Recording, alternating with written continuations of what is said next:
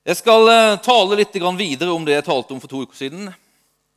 Ut fra Johannes 14 og 12. Jeg skal forsøke liksom å fortsette litt, og så skal jeg holde meg ganske kort. For eh, Katrin Johansen Katrin har jo kommet tilbake fra bibelskole et år. Og eh, hun skal få liksom komme her etterpå og dele hjertet sitt som en fortsettelse eller et eller annet sånt etter jeg prekt. Så ser vi hvor det tar oss. Høres ikke det spennende ut? Men vi begynner i Johannes 14, 12. Jesus som sier Sannelig, sannelig, jeg sier dere, den som tror på meg, skal også gjøre de gjerningene jeg gjør. Ja, enda større gjerninger, for jeg går til far, står det der. Og det jeg talte om her for eh, to uker siden, at eh, du og vi som tror på han, vi er altså kandidater til å gjøre de gjerningene som han gjør, sier han. Og jeg talte jo om at eh, altså, en av grunnene til at Jesus kom hit ned, vandra her tre godt og vel år, det var en av grunnene var for å vise åssen våre liv kan se ut. Egentlig kan du si at han vil vise oss åssen et kristent liv kan se ut. Eller skal se ut. Eller bør se ut. Det er på en måte det som er det kallelsen på ditt og mitt liv. Det er det som vi hører i Johannes 14, 12. Vi skal gjøre de gjerningene som han gjør. Ja, enda større gjerninger, står det til og med. Den som tror på meg, skal gjøre de gjerningene jeg gjør. Og når vi skal gjøre de samme gjerningene, så gjør vi òg det med de samme forutsetningene som han. Jeg mener, Hvis vi hadde andre forutsetninger, så hadde det liksom vært litt sånn urettferdig. Så talte vi om det sist gang. at Det Jesus gjorde her, de gjerningene han gjorde her Vet Jesus han var Gud, er Gud, kommer alltid til å være Gud. Men han, vi prater om det, i, i, Paulus sier i Filippebrevet 2 at når han klev ned og ble menneske, så, så la han bort det å være Gud. Han, han roste seg ikke av det. Liksom. Han, han kleiv inn under menneskelige kår og begrensninger. For å gjøre de gjerningene på en måte som, som overgår, som, som, som bryter mot de menneskelige begrensningene, mot naturlovene, så var Jesus avhengig av hjelp. For å gjøre gjerninger som var guddommelige, så var han avhengig av guddommelige ressurser. Fra en annen kilde enn sitt eget. Jesus var avhengig av Den hellige ånds hjelp. Han som er hjelperen. Han som er hjelperen, han var Jesu hjelper. Ånden kom han til hjelp.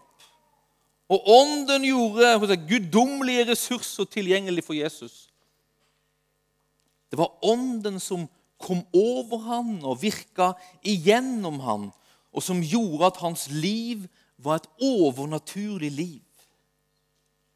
Jesus, når han begynte sin tjeneste og skulle beskrive sin tjeneste, hvordan den skulle se ut, så siterer han Jesaja. I, i Lukas 4 så, så, er han i synagogen i Nasaret, og så siterer han profeten Jesaja. Så sier han, 'Herrens ånd er over meg', for han har salvet meg. Det er forutsetningene. Til å forkynne et godt budskap for fattige.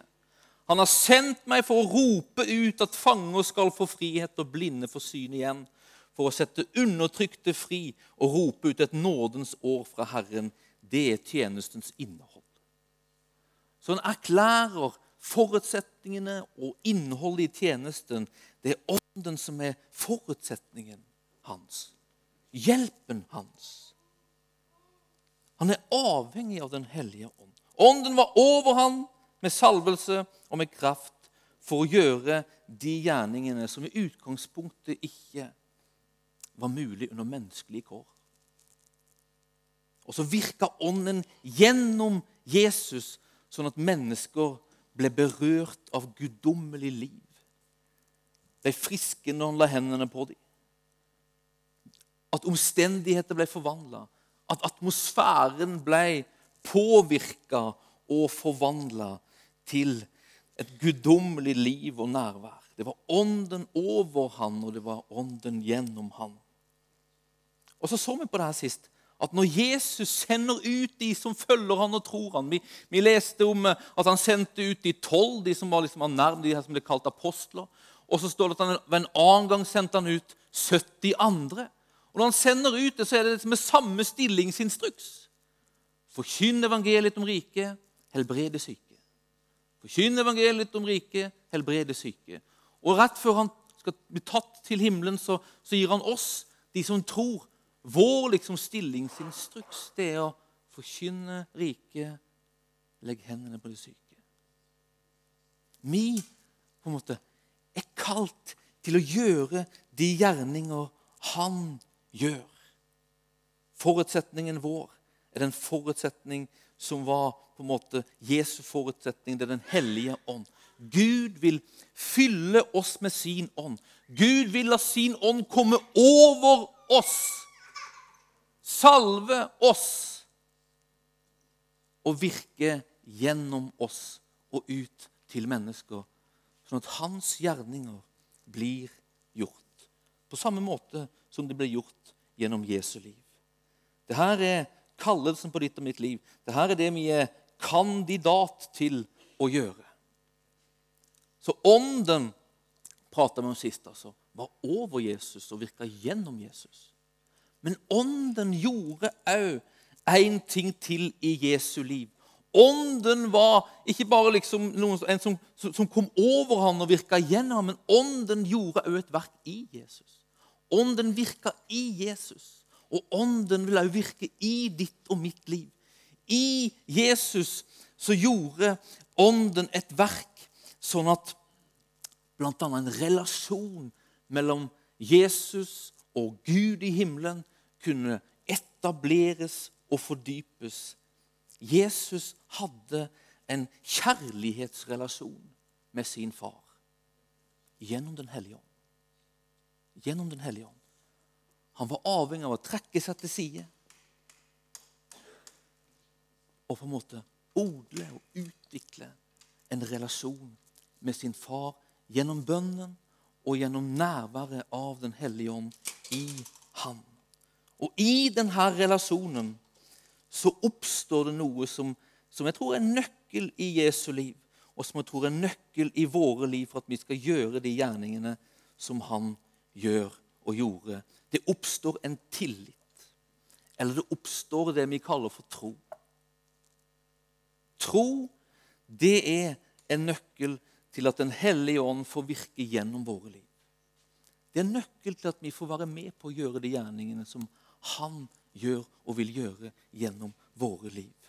Det er når vi begynner å stole på Han, bevege oss i tillit til Han, som gjør at Ånden, hans liv, kan begynne å virke gjennom våre liv.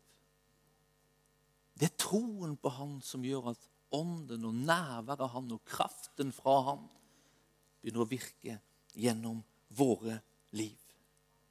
Våre liv. Det er troen og tilliten til Gud som åpner på en måte for hans ubegrensa liv. Det er troen og tilliten til Han som gjør at ikke så, våre gjerninger er begrensa til våre evner. Vår kraft. Det er troen som åpner på en måte våre liv for at hans kraft kan strømme gjennom oss. Og den troen og den tilliten den er et verk av Den hellige ånd i oss. Den hellige ånd i oss. Jeg tror troen den oppstår og vokser til mer enn noe annet gjennom en relasjon med Gud. En relasjon med Gud. En relasjon som Den hellige ånd vil virke fram, og styrke og utvikle i våre liv. I våre liv. Når vi prater om tro, så er altså det tillit. Og denne tilliten den ser vi i Jesu liv i forhold til Gud, i forhold til Han som Jesus kaller for sin far. Den tilliten som, som, som han hadde, den beskrives så, så sterk som at når han så at eh, far ville noe, hørte at far ville si noe, så, så handla han på det. Selv om det ikke alltid var helt logisk. Selv om ikke alltid omstendighetene og de naturlige forutsetningene fantes der. Når Jesus hørte far si noe, når Jesus hørte far si 'Gå ut til den båten som ligger midt ute på vannet', så gjorde han det. For det første, når han hørte det, så så han at han var en kandidat til å gjøre det. Han var utvalgt til å gjøre den slags, til å gå på vann. Og For det andre så våga han. Ikke fordi at han liksom hadde, han så på seg sjøl og tenkte at jeg er en dyktig svømmer og jeg kan ta meg dit, men han visste at den Gud som talte om det, det var en Gud som var hans far. Det var en Gud som hadde omsorg. Det var en Gud som hadde med. Det var den Gud han hadde lært kjenne gjennom relasjonen i Den hellige ånd.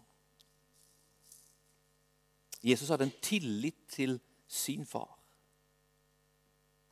Og den tilliten den føda fram de gjerningene. Det gjorde at han våga å gjøre de gjerningene. Tillit, tro, er viktig for at vi skal våge å sette oss i bevegelse. Våge å sette oss i bevegelse. Våge å sette oss i bevegelse når det vi på en måte oppfatter at Gud taler om, når de gjerningene som vi på en måte kjenner det det vi skal gjøre, det er gjerninger som er taler imot omstendighetene. Som er større enn hva vi kan gjøre. Som kanskje til og med på en måte bryter og går utover naturlover. Det at vi skulle legge hendene på mennesker, og de skulle bli helbreda. Det er typisk Gud å tale om noe som ikke står i stil med våre omstendigheter, og som står i stil med de naturlige forutsetningene som fins. Det er typisk Gud, for at Gud han ønsker nemlig å på en måte tvinge oss inn i denne situasjonen der vi er avhengig av å stole på. Det er for at når vi stoler på ham, at han får slippe til. Det tro, det handler om å relatere og leve ut fra noe vi ikke ser. Fra noe vi ikke på en måte naturlig drar sluttsats ut av liksom, når vi ser oss på, rundt på omstendighetene, når vi ser på våre egne forutsetninger. Når Jesus eh, sier at vi skal gjøre de samme gjerningene som han gjør, så roper våre omstendigheter og egne forutsetninger nei. Det er umulig. Eller nei, det er altfor skummelt. Eller nei, det er ikke fornuftig. Altså, Vi kjenner jo på det ikke vel, når jeg, sier, når jeg leser Johannes 14, 12, og du kjenner til Jesu gjerninger, så er det noe som roper nei. Det er ikke mulig. Men det er mulig. Det er for at han sier at det er mulig. Han sier at det er mulig. En som heter T.L. Osborne. Han har hørt om T.L. Osborne. En gammel general de liksom, i, i, eh, i Guds rike. Han sier 'tro det er å stole mer på Guds ord enn våre omstendigheter. Så Det er en overbevisning om det som ikke på en måte ligger naturlig, det som ikke er fornuftig, det som ikke naturlig kan leses ut fra våre omstendigheter. I bibelsk liksom, mening så er tro knytta til noe som ikke er på en måte en realitet i vår virkelighet, men som Gud har sagt er tilgjengelig og en realitet i hans virkelighet. Når han taler, så er det ut fra hans virkelighet. Når han sier noe, så er det en virkelighet for ham. Når han sier, så er det noe som er tilgjengelig hos ham. Å tro, det er å stole mer på hans virkelighet enn på den virkeligheten vi ser rundt oss med våre naturlige øyne. Det er troen. Det er tilliten. Og jeg tror at hvis vi skal gjøre hans gjerninger, så tror at denne troen og tilliten til hans virkelighet må øke, som vi etter hvert begynner på en måte å orientere oss. Det er den vi hører hos han, ser hos han, som får liksom avgjøre og bestemme hvilke valg vi skal gjøre. Hvilke gjerninger vi kan gjøre. Hvilke gjerninger vi begynner å bevege oss inn i. Det må avgjøres av det vi ser hos Han, hører av Han. Tro Tillit til det her er det som setter oss i bevegelse. Vi bruker å si det her om tro, at det fører til handling. Jakob han sier det her at uten gjerninger så er troen død.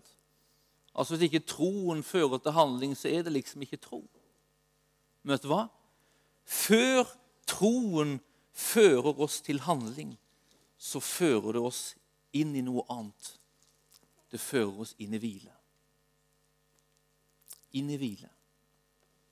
Tro for oss kan høres veldig sånn her krampaktig ut. Nå må jeg tro. Nå må jeg prestere.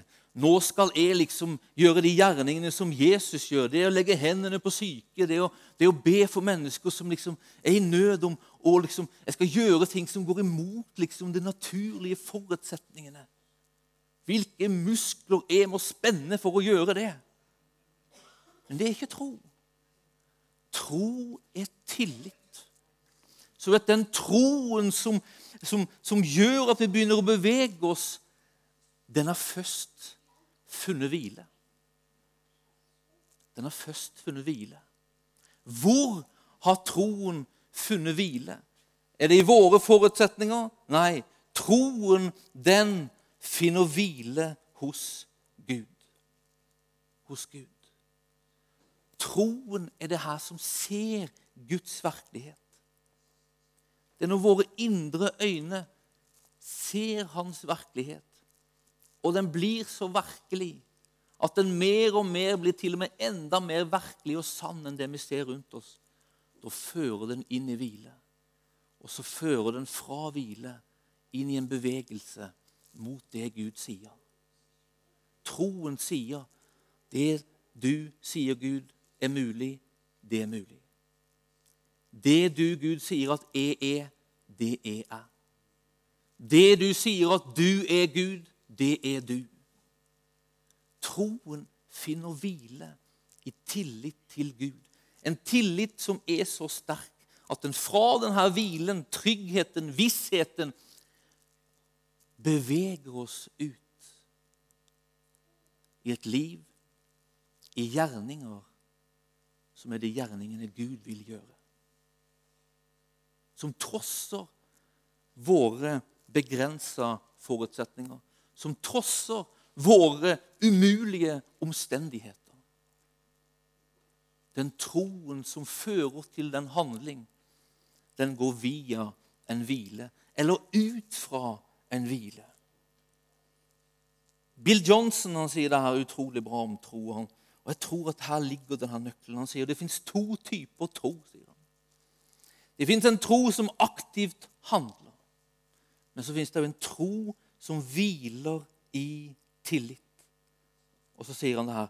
Den aktivt handlende tro, den står på skuldrene til den hvilende troen. Den troen som har funnet hvile i hvem Gud er, hans trofasthet, godhet, kjærlighet. Denne hvilen i at han er for meg, med meg, og han liker meg. Denne hvilen som sier at 'min pappa er sterkere enn alle andre'. Den troen, den hvilen. Ut fra den er det at tilliten og motet til å handle oppstår. Et bibelsk tro er tillit til Gud. Det er tillit til hans natur, det er tillit til at hans hjerte er for meg, at hans hjerte er for andre. Og det er en tillit til hans makt. Det er den troen og tilliten som, at, som er overbevist om at for han er ingenting umulig. Denne troen har en forutsetning i en tro som har funnet hvile og ro i en tillit til hvem Gud er. Og det her er det Ånden gjør i våre liv. Den virker, denne relasjonen. Den virker, denne tilliten til Gud. Ånden virker tro. Vi bruker jo å tale om at troen kommer av forkynnelsen, og det er veldig sant. Paulus taler om det. Ordet er en nøkkel. Men hvis ikke, hvis ikke ånden i oss får ta tak i ordet, gjøre ordet levende, så produseres det ikke noe tro når ordet forkynnes. Det er ordet pluss ånden. Det Troen den oppstår egentlig når det skjer det som vi kaller for åpenbaring. Når vi i hjertet får se at det ordet sier, er virkelig. At det ordet sier, gjelder meg. Det er ånden som produserer det. Det er ånden som produserer det. Og når vi ser det, så får vi tillit. Når vi ser det, så får vi denne troen. Vi prata sist gang om Paulus. Og Vi prata om at ånden virka gjennom ham, til og med gjennom klærne hans. Og det var et verk ånden gjorde. Ånden kom over ham, og ånden virka gjennom ham, men ånden virka òg et verk i Paulus. I Paulus. Ånden gjorde det her verket. Og ånden på en måte etablerte Paulus i en relasjon med far. Ånden etablerte den, styrka den. Og vi ser når Paulus skriver at han er etablert i en trygg relasjon og tillit til Gud. Og at denne tilliten, denne relasjonen, den føder så fram den troen som handler. Han taler om det i Romerbrevet 5. Han sier at Guds kjærlighet er utøst står det, i våre hjerter ved Den hellige ånd, som han har gitt oss.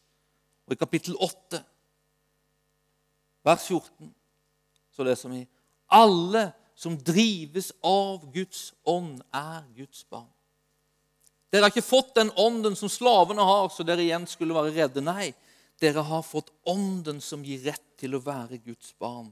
Den som gjør at vi roper 'Abba, far'. Ånden selv vitner sammen med vår ånd om at vi er Guds barn. Dette er Paulus' egne erfaring. Det er hans egne erfaring, hans egen relasjon med Gud, som ligger der i bunnen og grunn. Som er på en måte det som ligger der som fundament, som, som hans aktive, handlende tro. Den troen som bare inntar, som bare går, som bare gjør at Guds liv får virke gjennom ham. Den troen som handler, står og hviler på det her fundamentet.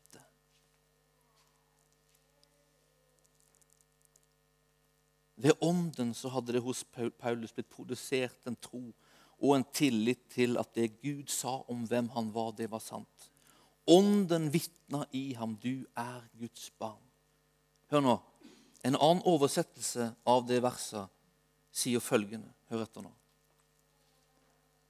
Og du har ikke tatt imot en ånd av religiøs plikt som fører tilbake til en frykt av å aldri være god nok men du har tatt imot åndens fulle bekreftelse, den som etablerer deg i Guds familie. Og Du skal aldri oppleve deg farløs.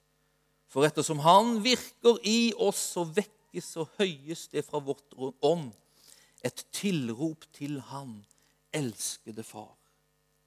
For Den hellige ånd gjør Guds farskap virkelig for oss idet Han hvisker inn i vårt innerste vesen du er Guds elskede barn. Den hellige ånd hvisker inn i vårt innerste vesen. Du er Guds elskede barn. Dette er åndens vitnesbyrd. Dette er åndens verk i ditt og mitt liv. Dette er det han ønsker liksom å rope, virke, vekke tillit til i våre hjerter. Vi tilhører Han. Han er med oss. Han er en god far. Vi er hans barn. Han er der. Han er trofast. Han kan alt. Det er fundamentet som gjør at vi finner hvile hos Han, og som gjør at vi kan stille oss på det, stå der og begynne å se på verden rundt oss. For ut fra den tilliten så fødes det en tro.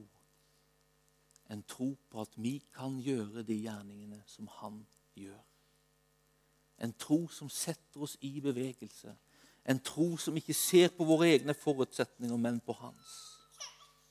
Det her vitnesbyrdet, denne grunnen, det her fundamentet, det her åndens virksomhet i våre liv, det tror jeg er det som fører oss ut, setter oss i bevegelse. Hvis vi leser videre i Romerbrevet 8, så ser vi hos Paulus at han uttrykker en sånn tillit til Gud. Han sier sånn her Hvis Gud er for oss, sier Paulus, hvem kan da være imot? Han som gav sin eneste sønn for oss. Åssen skulle han kunne annet enn å gi oss alt med han? Ingenting kan skille oss fra Guds kjærlighet i Kristus Jesus, sier han. Denne tilliten som vi finner hos Paulus, det er en tillit som føder det livet og den gjerning som vi ser i hans liv. Den gjerning som er lik den Jesu levde, og de gjerningene han gjorde. Paulus han var etablert i en sånn hjerte-til-hjerte-relasjon gjennom Den hellige ånd. Ved Den hellige ånds verk i Han. Og den samme relasjonen til Han er vi kalt inn i. At han ønsker å ta du ut i en vandring i tro. I en vandring i tillit til Han. Der vi våger å klive inn og handle på Hans ord. Våger å gjøre og bevege oss inn i og prøve på de gjerningene som han gjør. Våger å profetere, våger å helbrede, våger å formidle evangeliet om riket.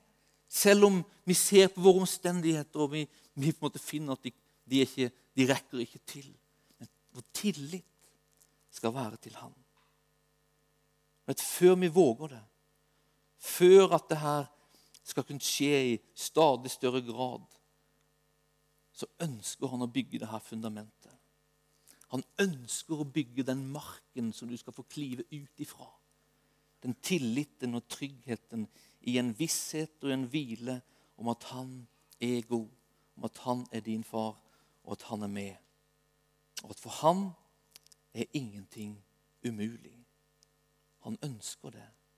Vi er kalt til bevegelse, prater vi om sist gang. Vi er kalt til aktiv etterfølgelse til å gjøre hans gjerninger. Han ønsker å bygge fundamentet.